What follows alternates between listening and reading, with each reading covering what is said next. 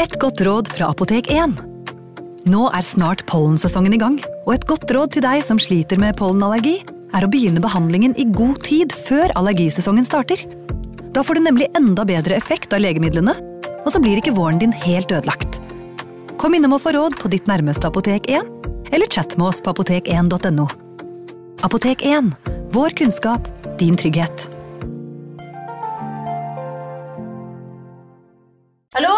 Jeg kommer fra Oslo politikammer. Ine Jansen er purk. Er du purk? The motherfucking bitch. Alt jeg vil, er å finne ut hva som skjedde med mannen min. Jon Carew. Er jeg sikta for noe? Iben Akeli. Det er du. Ole So, Lars Berrum og Big Daddy Karsten. Hvem sin side er du på, egentlig? Anette Hoff, Tone Danielsen, Kommer du fra Afrika? Jørnis Josef, Nesten kløfta. Trond Espen Seim, Det er synd å si det, men det var feil mann som døde.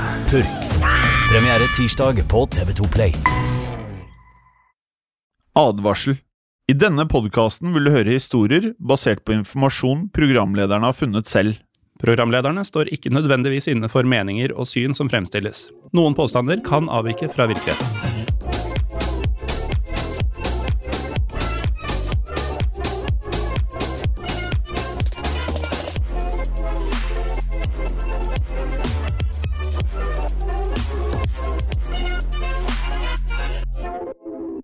Hei, og velkommen til en ny episode av Historiepodden. Mitt navn er Morten Galaasen. Mitt navn er Jim Fosheim. Bonjour, Jim.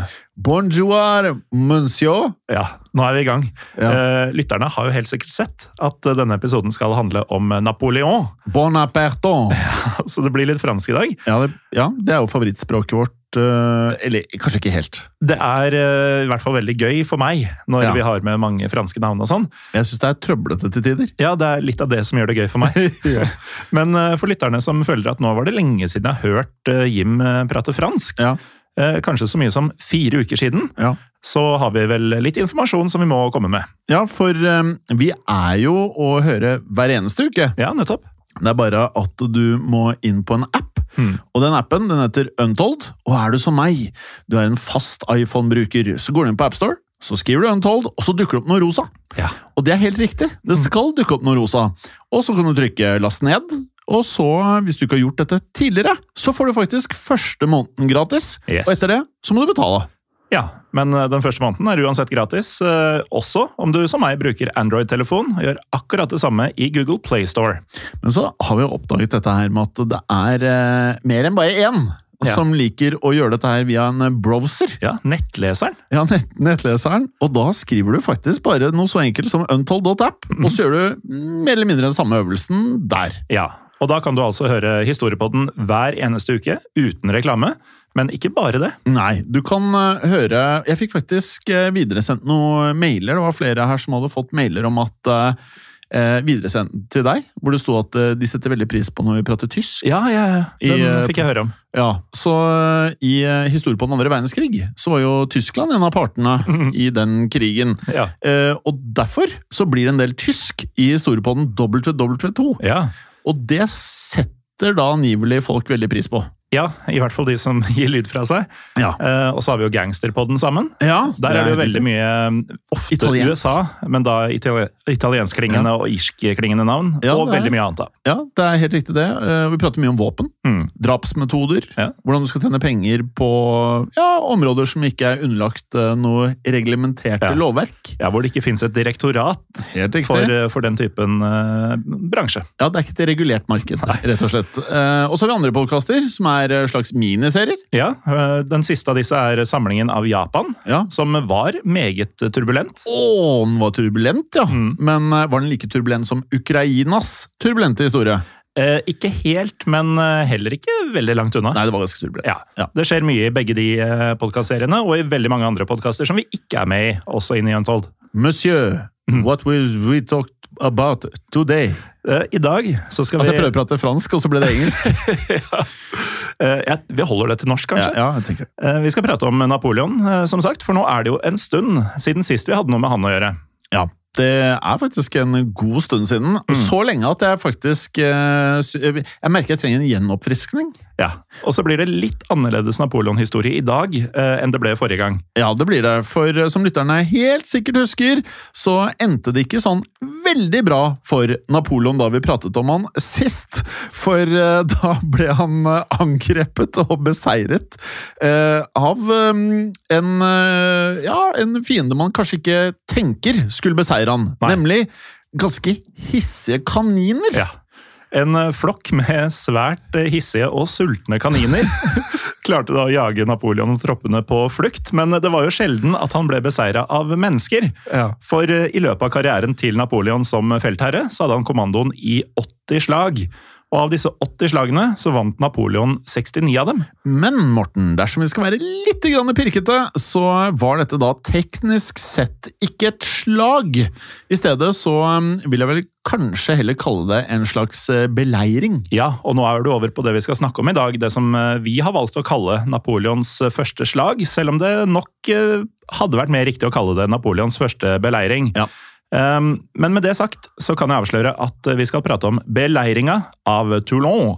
Og Toulon det har vi vært borti i tidligere episoder av flere podkaster. Det ligger ved middelhavskysten i den franske regionen Provence.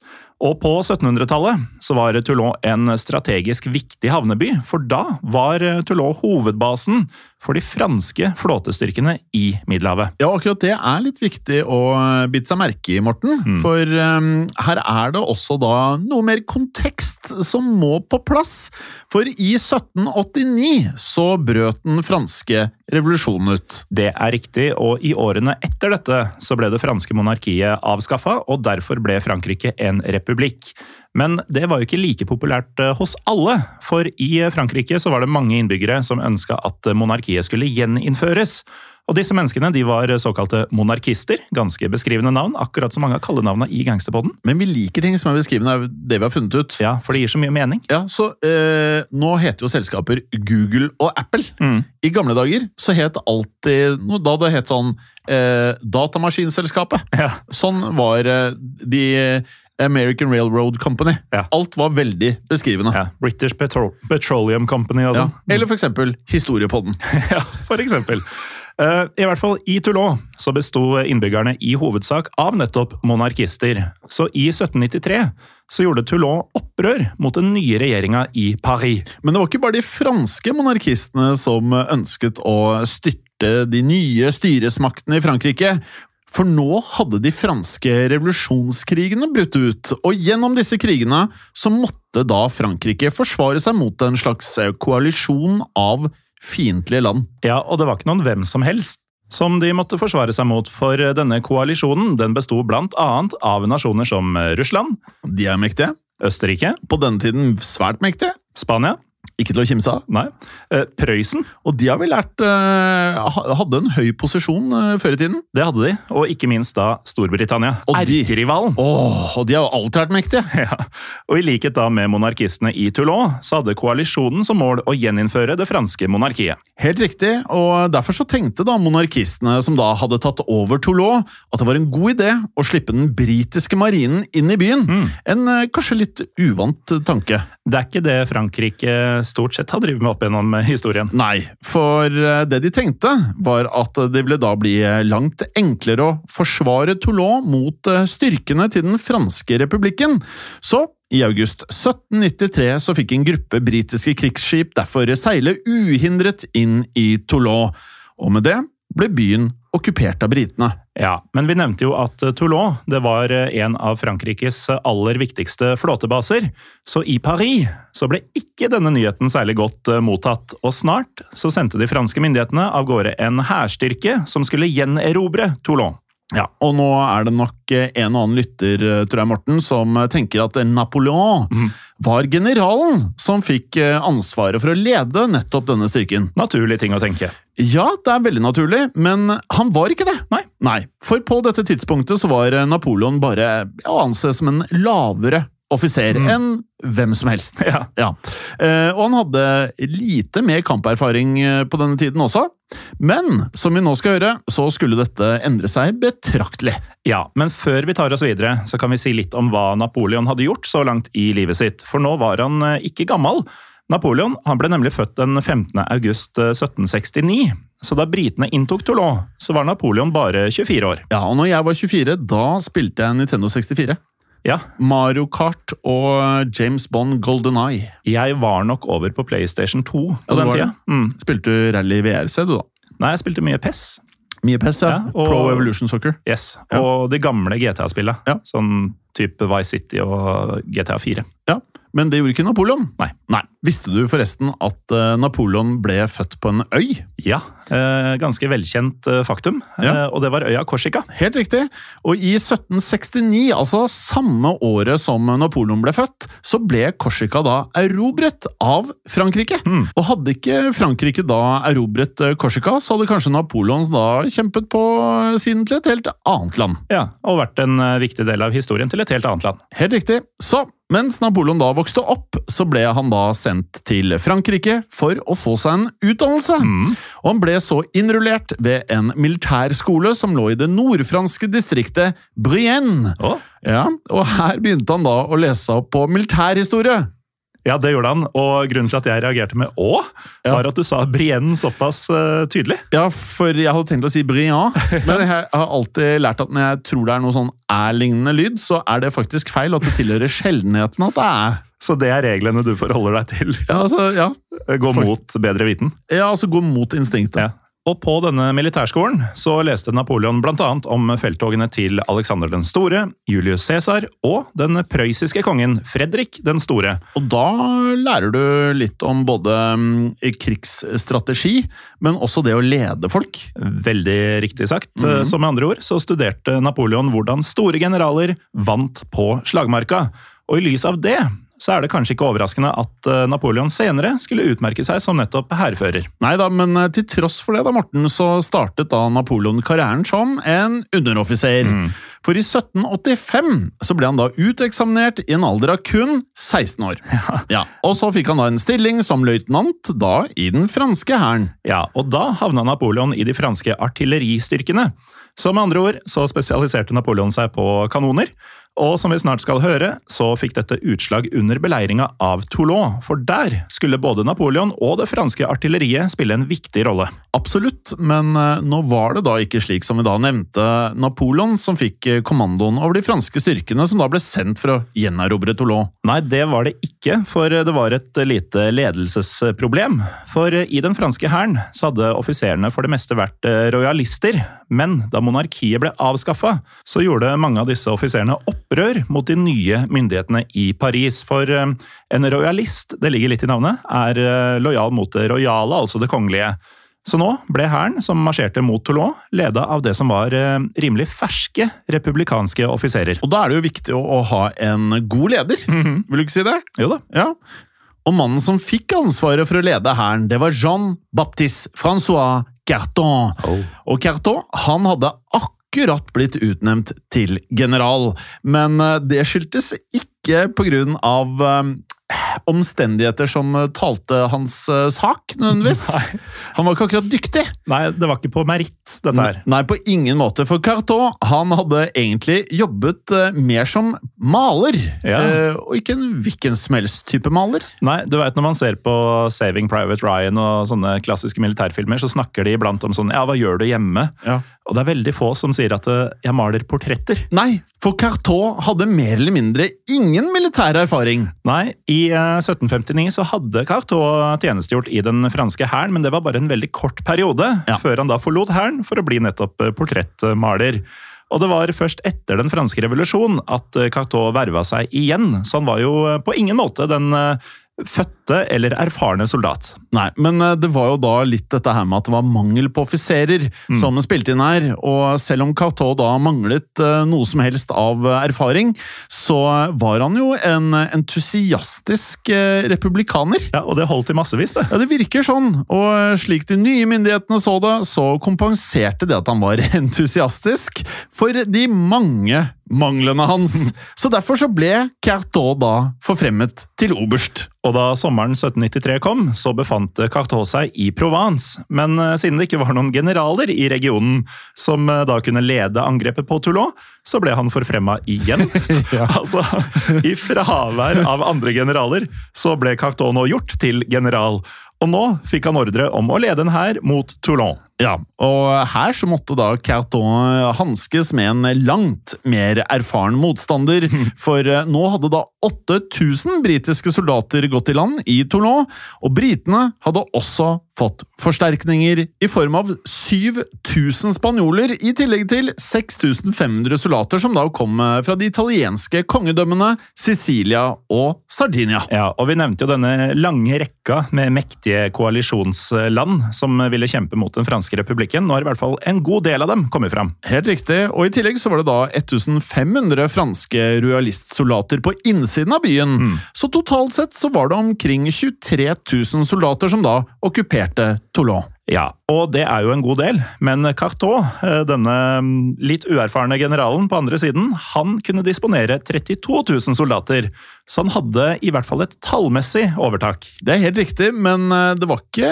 enkelt nødvendigvis å innta Toulon. Nei. For som vi nevnte, så eh, skulle jo da Cartot hanskes med en formidabel motstander. Og på innsiden av Toulon så var det da en svært erfaren admiral, og dette var den 69 år gamle Samuel Hood. Og Hood han hadde tjenestegjort i The Royal Navy helt siden 1741. Som andre ord, Morten, så hadde han her holdt på i 52 år, mens eh, den han skulle møte, han hadde for det meste drevet med maling. Ja, nettopp. Så det kommer kanskje ikke som noe sjokk at eh, admiral Hood han var en mer kompetent offiser enn general Carton. Nei, det, det kommer ikke som noe sjokk, men heldigvis så hadde Carton da en eh, mer erfaren underoffiser. Og nå tror jeg du skal snuble på navnet. Ja, for navnet hans det var Elzear August Cousin de Domartin. Det gikk jo kjempebra. Ja, eh, Det skrives da Domartin, Ja. så igjen, hadde jeg da ikke brukt den æ-en, så tror jeg det hadde vært nærmere sånn det kanskje sies. Nei, det, jeg syns det var fint. jeg. Ja.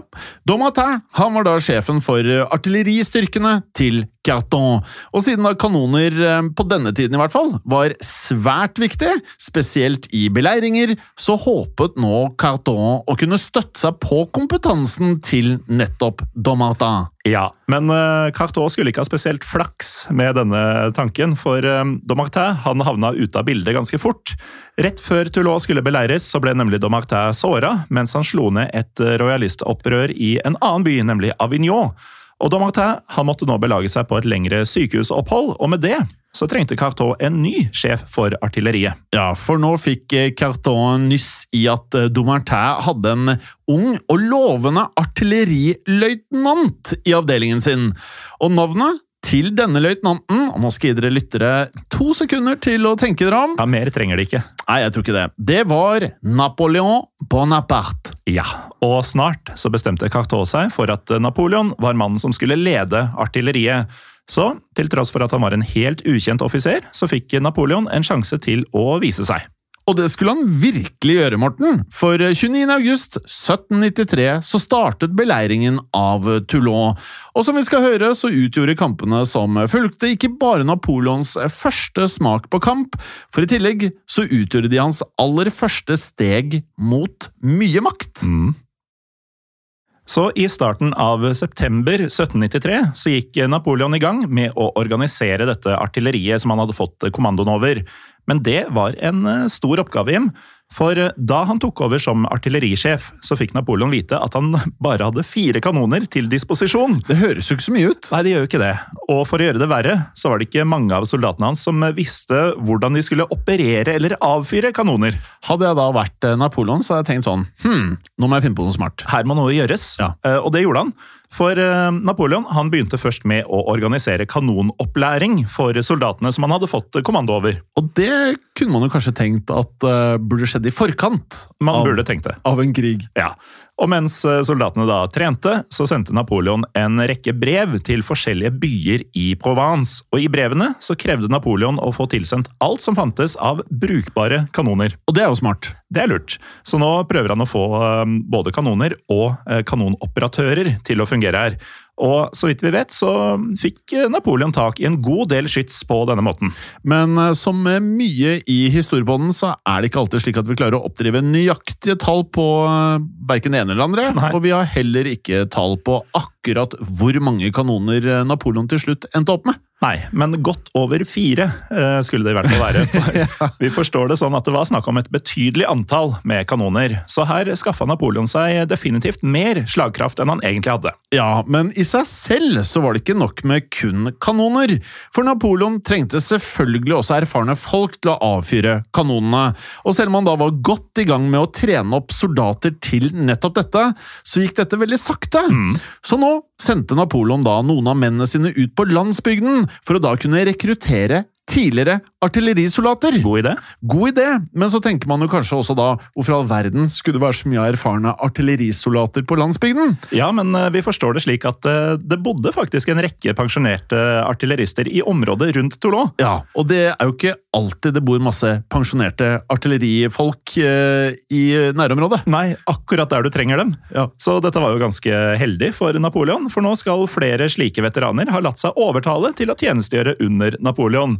Så mens dagene gikk, så begynte det å bli skikk på det franske artilleriet her. Men britene de hadde også brukt tiden godt, Morten. For eh, nå hadde de rukket å bygge en rekke befestede stillinger utenfor Toulon, og dersom da byen skulle gjenerobres, så måtte da den franske hæren da innta nettopp disse stillingene. Men dersom kanonen hans skulle bidra til akkurat dette formålet, så trengte Napoleon da større mengder med ammunisjon. Og igjen så ligger eh, løsninga i, i nærområdet. Ja, for Napoleon han sendte nok en gang ut soldater. Denne gangen ikke for å da be om krutt og eh, ammunisjon, men for å da konfiskere krutt og ammunisjon fra lokale innbyggere. Ja, og det er Det, det må ha vært litt av et område, dette her. Alle er pensjonerte artillerister med masse krutt liggende. Og kanoner! Ja, og krutt det var tydeligvis viktig for Napoleon, for hør på dette sitatet fra Napoleon sjøl. Man kan, om nødvendig, klare seg i 24 eller 36 timer uten å spise. Men man kan bare være uten krutt i tre minutter. ja, Så krutt var viktigere enn mat, da, tydeligvis. Ja, mye viktigere. Men eh, heldigvis for Napoleon så kom mennene hans tilbake med store mengder med krutt. Og da dette var gjort, så begynte de da å bygge kanonstillinger utenfor Toulon. Ja, og disse kanonstillingene de fikk eh, sine egne navn, så nå er det bare å spisse ørene. Det er det, Morten. Eh, Stillingene ble nemlig kalt da La Montagne, som da kan oversettes til fjellet. Ja, Direkte oversatt, og et uttrykk som gir mening i krig. Og en annen stilling ble kalt sandkulatt. Ja, og den er ikke like åpenbar. Nei, det er den ikke, Morten, for det kan oversettes til eh, De uten knebukser. Ja, men det var en tanke bak dette her. For La Montagne det var kallenavnet på de høyeste benkene i den nye franske nasjonalforsamlingen. Så man kunne jo kanskje tro da man hørte at det ble oversatt til fjellet, at man la det på en eh, høyde, men det var altså en referanse til denne nye republikken. Og sans-culotte det var et kallenavn som ble brukt om de fattige borgere i det franske samfunnet. For i motsetning til adelen, så hadde ikke de fattige råd til å kjøpe disse korte knebuksene som rikingene gikk med. Så derfor så gikk mange fattige med bukser som gikk ned til føttene, og det ble på den tiden ansett som usofistikert. Ja, litt andre tider nå, da. Ja. Men nå som da Frankrike var en republikk, så ble det ansett som positivt å være en sann kulott, altså en person med lange bukser. Ja, og derfor var det ikke tilfeldig at Napoleon kalte kanonstillingene sine nettopp for La Montagne og Sans Culotte. For nå var tanken hans å inspirere soldatene til å kjempe for å bevare denne franske republikken. Og dette kan se ut til å ha fungert, Morten. For eh, i løpet av de neste dagene så gikk eh, Napoleon sine kanonmannskaper svært entusiastisk til verks. Og nå kan vi jo da prøve å gi et lite bilde av hvordan slagmarken så ut. For som vi nevnte, så var Toulon en havneby.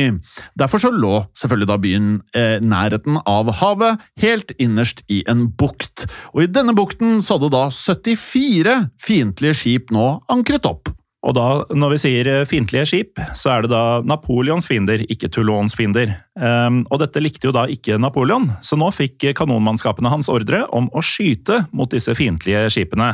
Og av denne kanonilden så måtte en rekke britiske krigsskip trekke seg tilbake til havna i Toulon. Og dermed var skipene utafor rekkevidden til de franske kanonene, og det skulle man kanskje tro eh, ville ergre Napoleon. Men dette var helt i tråd med planene til Napoleon, for nå hadde Napoleon da begynt å argumentere med at franskmennene ikke trengte å angripe selve Toulon. I stedet mente Napoleon at det var nok å rett og slett da bombardere den britiske flåten som lå i bukten utenfor byen, for dersom admiral Hood risikerte å miste flåten sin, så ville han da mest sannsynlig da evakuere styrkene sine fra Toulon og da var jo mye av jobben gjort. Ja, Men enn så lenge så var havna til Toulon utenfor rekkevidden til de franske kanonene, så nå retta Napoleon blikket mot en bakketopp kalt Mont Clar. For her hadde britene oppretta en av disse befestede stillingene sine som vi prata om i stad. Og det var det også en tanke bak, eh, Morten Sam. Han, var, eh, han hadde lært mye på skolen. Han var snartenkt. Han var snartenkt, for eh, dersom franskmennene da erobret Montclar, så ville de kunne da plassere kanonene oppe på bakketoppen, mm. og herfra kunne Napoleon da skyte rett ned mot havnen i Toulon. Og dette høres jo mye ut som ting han da hadde fått med seg fra tidligere erobrere. Det kan være, og han innså jo da at dette var en mulighet, så Napoleon han la frem hele planen sin for general Carton. Og Napoleon han ønska nå å innta Montclar, og så ville han som sagt bombardere den britiske flåta i Toulon.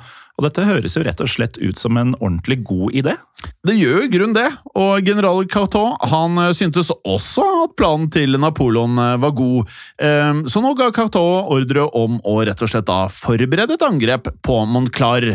Men som vi har nevnt uh, flere ganger tidligere, Morten, så var ikke Cartot uh, kanskje den mest kyndige generalen. Nei, og det skal komme til syne nå, for uh, da franskmennene angrep Montclair, så satte Cartot inn færre soldater enn det Napoleon hadde anbefalt.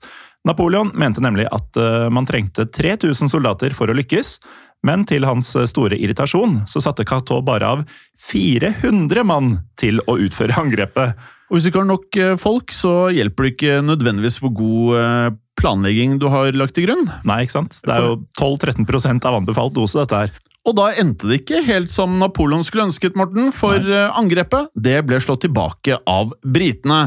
Og da ble Napoleon enda mer irritert på Cartot, for nå hadde franskmennene da kastet bort en fantastisk mulighet. Ja, det hadde de, for mens Napoleon da irriterte seg over Cartot, så sendte admiral Hood, denne mer kompetente og erfarne lederen på motsatt side, forsterkninger til Monclar.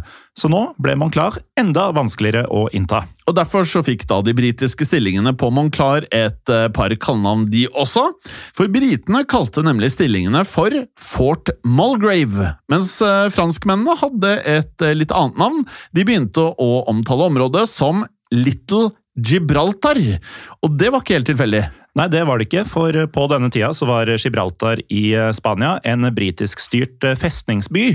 Og i likhet med Gibraltar så syntes noen av de franske soldatene at dette såkalte Little Gibraltar virka nærmest uinntagelig. For her lå britene i dekning bak både grøfter og barrikader, og for å nå de britiske stillingene så måtte franskmennene krysse åpent terreng, mens de ble beskutt av både kanoner og musketter. Men du sa, Morten, at eh, de franske soldatene mente at eh, Little Gibraltar var nærmest unntakelig? Ja, og Napoleon han fokuserte mest på ordet 'nærmest', ja. for han mente at det ikke var helt uinntagelig. Nei, så i løpet av de neste ukene Morten, så forsøkte Napoleon iherdig å overtale Cartot til at Little Gibraltar måtte angripes på nytt. For slik slik Napoleon så det, så kunne et vellykket angrep avgjøre hele beleiringen. Ja, men i november 1793, sånn ca. to måneder inn i beleiringa, så skjedde det en ny utvikling. For da fikk Napoleon en ny overordna. Ja, nå innså da endelig de franske myndighetene at en portrettmaler, altså mm. general Cartot, ikke nødvendigvis var rette mann for jobben. Mm. Faktisk så har det blitt beskrevet at de anså han som eh, totalt inkompetent. Ja. Så Cartot han ble da sparket og erstattet av en ny general, nemlig Francois Amédée Doppé. Ja, men Doppé han var uheldigvis for Napoleon ikke så veldig mye bedre enn det Cartot hadde vært. For i likhet med Cartot så var ikke Doppé en klassisk krigens mann.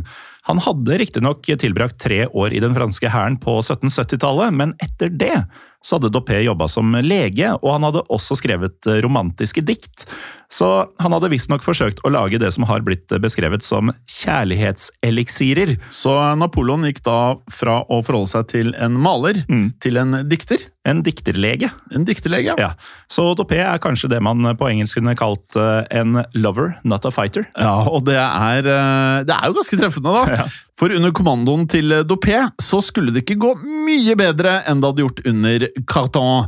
For uh, snart ga også Dopé ordre om å angripe Little Gibraltar, men da angrepet skjedde, da befant Dopé seg rett ved frontlinjen, Morten. Mm. Og her ble da den personlige adjutanten hans skutt og drept rett ved siden av han. Derfor så fikk Dopé rett og slett panikk, og før noen visste ordet av det, så ga han ordre om å blåse full retrett. Ja, og med det så ble franskmennene igjen eh, nesten egenhendig slått tilbake. Og slik Napoleon så det, så var det bare Dopé som kunne klandres for denne fiaskoen. Så i kjølvannet av dette nederlaget så skal Napoleon ha kommet med en grov uttalelse om Dopé. Og denne uttalelsen den skal vi straks høre, men det er en liten hake her. For på 1800-tallet så var det visstnok en ukjent person som syntes at Napoleon brukte et begrep som var for stygt. Så i dette sitatet så er det ett ord som har blitt eh, fjerna, rett og slett, i originaldokumentene. Det er det, Morten. Så eh, det vi eh, rett og slett må gjøre her, er bare å lese sitatet, og så tror jeg de fleste kommer til å skjønne at det ikke nødvendigvis var et hyggelig ord her. Hmm. Vårt slag ved Toulon har bommet fordi en mellomrom har gitt ordre om tilbaketrekning. Ja, og Vi kan jo bare spekulere i hvilket ord Napoleon brukte for å beskrive general Dopé her. Men jeg tror f.eks. hvis man hadde satt inn pyse, ja. så hadde det fungert i setninga. Men det er ikke stygt nok til at noen skal fjerne det fra dokumentene. Så det er nok eh, vesentlig verre enn som så. Jeg tenker det også. Eh, for Napoleon han eh, visste jo at eh, dette angrepet kunne ha lyktes dersom Dopé ikke hadde rotet det til. Men snart eh, skulle Napoleon bli eh, noe mer fornøyd Jim, for i motsetning til forgjengeren general Cartot, så innså general Dopé sin egen inkompetanse. Så Dopé han bestemte seg derfor for å trekke seg tilbake fra stillinga si, og den 20. november 1793 så fikk hæren som beleira Toulon sin tredje general på kort tid. Ja, denne gangen, og jeg kan jo tenke meg at mange av lytterne tenker kanskje at det var Napoleon som skulle ta over her. Ja, Det var det ikke. Det var det ikke, eh, for det var nemlig general Jacques Francois Dougomier. Du er helt rå på fransken i dag. Ja, er det? Ja. Hvordan ville du sagt det? Ja, Omtrent sånn. Ja, Bra. Og Sammenlignet med Carton og Dupé så utgjør Dougomier en solid oppgradering. Dougomier han var nemlig 55 år gammel og hadde 34 års militærtjeneste bak seg, så han kunne jo hanskes med hud. Ja, og gudene veit hvor de hadde gjort av han fram til nå. At ja. de kan ha blitt dratt fram tidligere. Og da Dugomier fikk høre om hvorfor Napoleon ønska å angripe Little Gibraltar, så syntes Dugomier at dette var en aldeles utmerket plan. Så nå fikk Napoleon endelig gjøre ting på sin måte. Og da sørget Napoleon for at det ble opprettet flere kanonstillinger foran Little Gibraltar, for nå skulle Little Gibraltar bombarderes for et nytt fransk angrep skulle iverksettes. Og det, selv for oss, så høres jo det ok ut. Dette gir mening. Det gir mye mening. Men dette ble heller ikke helt enkelt, for nå ble en av de nye kanonstillingene til Napoleon beskutt av de britiske kanonene fra Little Gibraltar. Det er litt sånn ond sirkelpreg over dette her. Veldig, og med det så var det mange franskmenn eh, som ved denne stillingen mistet livene sine. Det var det, og på grunn av det så var det stadig færre franske soldater som ønska å tjenestegjøre ved dette kanonbatteriet. Så nå gjorde Napoleon noe som eh, man kan si er ganske smart. Han kunngjorde nemlig at denne kanonstillinga den skulle få et nytt navn, og da valgte Napoleon følgende navn på stillinga. La batterie des hommes sans peur som betyr batteriet for menn uten frykt. Så kan man jo stille seg spørsmålet hvor mye hadde dette egentlig å si? Men det virka etter planen. Om det gjorde, for dette navnet indikerte nå at det kun var de aller tappreste soldatene som turte å tjenestegjøre ved dette kanonbatteriet. Så nå skal stadig flere soldater da ha meldt seg som frivillige for å bemanne batteriet. Ja, og det ble et problem for britene, for nå begynte kanonene til Napoleon å gjøre stor skade på både Little Gibraltar og de andre britiske stillingene rundt Toulon. Så Derfor bestemte britene seg for å slå tilbake, og den 30. november 1793 så storma en britisk angrepsstyrke derfor frem mot de franske linjene. Og Dette angrepet det kom uventa på franskmennene, så i løpet av kort tid så klarte britene å erobre noen av kanonstillingene nord for La Batterie des Hommes sans peur. Men her, Morten, klarte Napoleon og Dugomier å slå britene tilbake igjen, og dette skjedde på en noe kuriøs måte. Ja, for det britiske angrepet det ble leda av en general ved navn Charles O'Hara, Og nå ble O'Hara såra og tatt til fange, og overga seg derfor personlig til Napoleon. Og det kuriøse er at dette var ikke den første gangen at O'Hara hadde overgitt seg til en person som skulle gå inn i eh, til og med historiebøkene på skolen. Det var det ikke, for eh, kun Tolv år tidligere, i 1781, så hadde O'Hara deltatt i en annen beleiring, nemlig beleiringen av Yorktown i den amerikanske delstaten Virginia. Og denne beleiringen var det aller siste slaget som ble utkjempet i den amerikanske uavhengighetskrigen. Så da amerikanerne erobret Yorktown fra britene, måtte O'Hara også overgi seg. Og da var det USAs daværende øverstkommanderende som tok imot overgivelsen hans. Og denne øverstkommanderende det var ingen ringere enn general George Washington. Mannen som senere ble USAs første president. Som andre ord, Morten, så overga da Charles O'Hara seg til både George Washington og Napoleon Bonaparte! Ja, I løpet av et drøyt tiår. Og tenk deg, Vi prater jo ofte om dette her i denne podkasten. Mm. Hvordan henger den delen av historien sammen med den andre delen av historien, som er to vidt forskjellige begivenheter? Ja. Men her har du nok et eksempel på dette. Ja, To personer som man aldri så for seg skulle ha noe med hverandre å gjøre, som har nettopp det. Eh, men med det sagt så spoler vi nå tida fram til den 17. desember 1793, for på denne dagen så var eh, franskmennene klare til å angripe Little Gibraltar. General Dugomier han hadde nå forfremma Napoleon til major, og som major så fikk Napoleon lov til å lede det kommende angrepet fra frontlinja. Og denne gangen, Morten, så var det 6000 franske soldater som skulle sendes inn. Langt mer enn de 400 som Cartot hadde sendt i sin tid. Om det var! Og nå var planen, Morten, å angripe etter at mørket hadde senket seg. Så da kvelden kom, så stilte angrepsstyrken på 6000 mann seg opp foran Little Gibraltar. Og mens franskmennene da gjorde seg klare til å angripe, så begynte regnet å pøse ned. Men dette hindret ikke Napoleon. Nei, så da klokka hadde passert midnatt, så begynte kanonene til Napoleon å skyte mot Little Gibraltar. Så beordra Napoleon at de fremste soldatene hans skulle angripe og mens de franske soldatene nærma seg, så åpna britene ild fra sine stillinger. Men her hadde franskmennene rett og slett eh, en god del flaks, Jim. De hadde det, Morten, for eh, på denne tiden så var musketter kanskje det vanligste skytevåpenet. Mm. Og som eh, helt sikkert mange av lytterne allerede vet, så må jo da musketter fylles med nytt krutt hver gang de skal avfyres. Og det kan jo forklare hvorfor Napoleon mener at man trenger krutt hvert tredje minutt. og vel så det. Ja, Og krutt det fungerer dårlig når det blir vått, Morten. Nettopp, og takket være dette striregnet så ble flere av de britiske muskettene nettopp eh, våte, og derfor nådde mesteparten av franskmennene fram til de britiske linjene. Og da brøt det ut en brutal nærkamp mellom de franske og britiske soldatene, men Napoleon selv han deltok ikke i disse nærkampene helt ennå. For da den første angrepsbølgen ble sendt frem, så leda ikke Napoleon den personlig. Nei, men eh, for den andre franske angrepsbølgen så skulle da Napoleon ri i spissen. For snart så bestemte Napoleon seg for at det var på tide å sende inn langt flere soldater. Og da følte han at det var helt, helt nødvendig å inspirere mennene sine ved at han selv gikk foran, og da med hevet sverd fra ja. hesteryggen. Ikonisk eh, bilde. Ja. Men eh, da Napoleon leda soldatene sine frem, så ble hesten som han satt på, skutt og drept, og derfor gikk Napoleon i bakken. Men heldigvis for både han og franskmennene så reiste Napoleon seg uskada, og så storma han inn i nærkampene. Altså, Dette her viser jo Morten, at han ikke bare var en eh, strateg og en leder, men han, han hadde jo tæl. Ja, satte seg selv på spill. Helt riktig, og det skulle gå hardt for seg, for nå ble det da kjempet med både knyttnever og bajonetter, og ifølge noen beskrivelser så brukte både franske og også britiske soldater muskettene sine som klubber til å slå hverandre i hjel.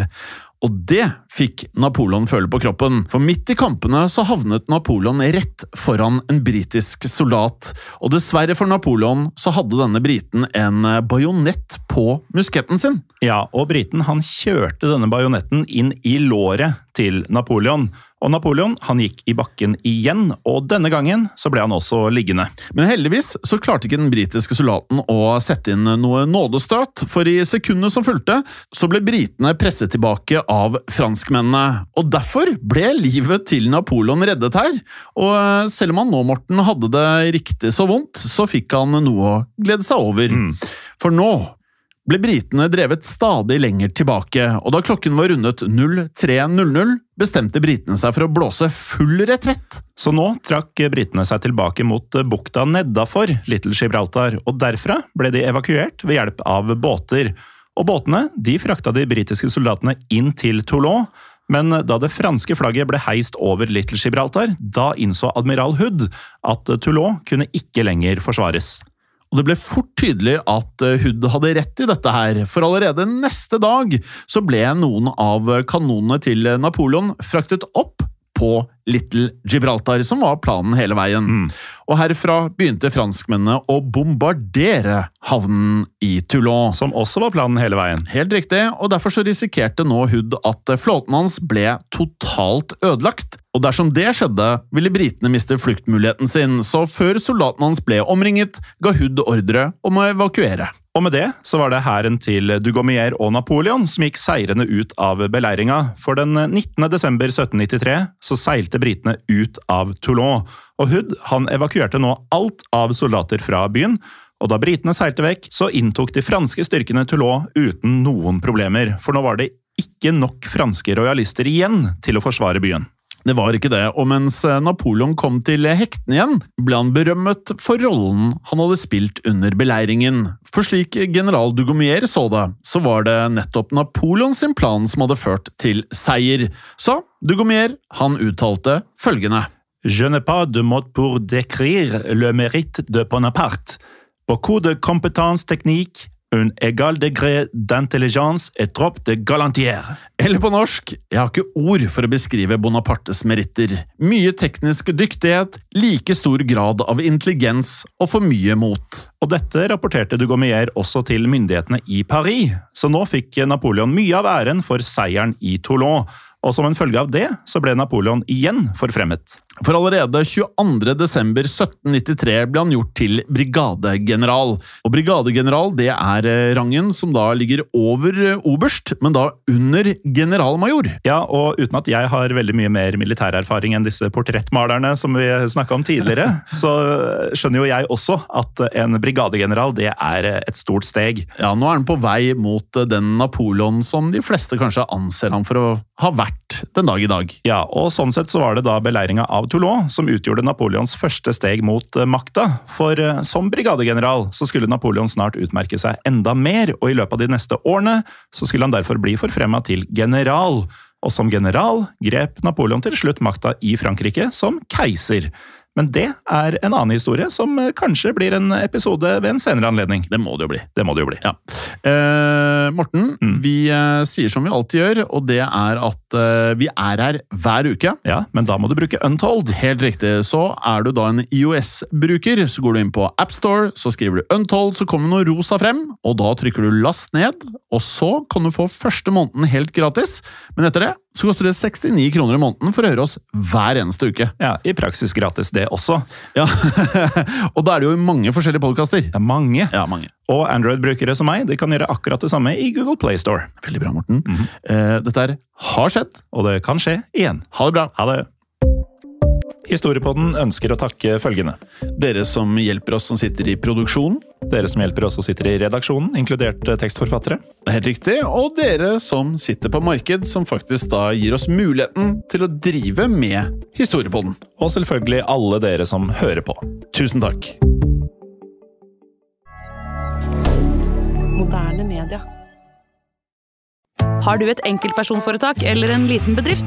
Da er du sikkert lei av å høre meg snakke om hvor enkelt det er med kvitteringer og bilag i fiken, så vi eh, gir oss her, vi. Fordi vi liker enkelt. Fiken superenkelt regnskap. Hei, og takk for at du lytter til Historiepodden. Skulle du ønske at du kunne høre en ny episode av Historiepodden hver eneste uke? Vel, da er det én ting å gjøre. Da kan du laste ned podkastappen Untold med det samme. For i tillegg til ukentlige episoder av podkaster som Historiepodden andre verdenskrig, Henrettelsespodden og også Gangsterpodden, så får du masse annet reklamefritt og også eksklusivt innhold. Last ned Untold i AppStore eller Google Play og start din 30 dagers gratis prøveperiode allerede i dag.